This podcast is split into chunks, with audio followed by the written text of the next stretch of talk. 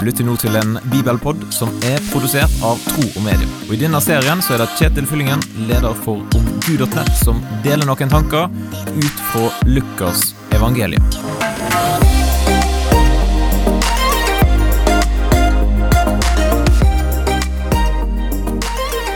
Har du noen gang tenkt at eh, du er for gammel til å tjene Gud? Eller at du er for ung til at Gud kan bruke deg til noe som helst? Jeg syns at det er inspirerende at Bibelen er full av historier om folk i alle aldersgrupper som på en eller annen måte får lov til å spille en rolle i Guds store historie. I dagens bibelpodtekst skal du få møte Anna. Hør hva som står om hun i evangeliet til Lukas, kapittel 2, og vers 36 til 40. Det var en kvinne der som var profet, Anna, Fanuels datter av Ashers stamme. Hun var langt oppe i årene. Som ung hadde hun vært gift i sju år, og hadde siden levd som enke til hun nå var 84 år. Hun forlot aldri tempelet, men tjente Gud i fast og bønn natt og dag. I samme stund kom også hun fram og lovpriste Gud, og hun fortalte om barnet til alle som ventet på frihet for Jerusalem.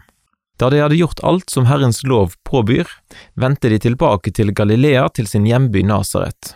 Og gutten vokste og ble sterk, fylt av visdom, og Guds nåde var over ham.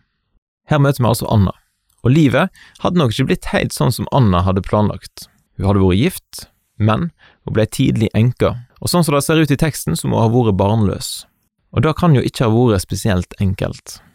Men livet hennes det må ha satt spor hos noen. For når Lukas er ute og snakker med øyenvitner og henter inn informasjon om Jesus, så har noen huska Anna ganske godt. Den gamle dama som var en av de første til å fortelle om Jesus. Og Derfor har Lukas med ganske mange detaljer om henne. For Anna hun må ha betydd en forskjell for noen. Kanskje du tenker at eh, nå er du for gammel til å ha ei rolle i Guds store fortelling. Eller at sånn som livet ditt har blitt, så kan ikke du bety en forskjell for noen. I tilfelle så håper jeg at du lytter til teksten her i Lukas 2, og at du lar deg inspirere av Anna, Fanuels datter av Asjers stamme. Hva tenker du om teksten? Du er kjempevelkommen til å dele dine tanker med meg. Du kan sende en e-post til kjetil.troogmedier.no, så kan vi ha en dialog der. Så håper jeg at du har lyst til å dele bibelpodden med noen som du kjenner. Da ønsker jeg deg en fin dag, og så poddes vi plutselig igjen. Takk for at du lytter gjennom denne bibelpodden, og vil du gi en tilbakemelding på det som du hørte, eller vil du lære mer om kristen tro, da kan du gå til nettsida omgud.nett. Eller du kan sende en e-post til kjetil etter troogmedia.no.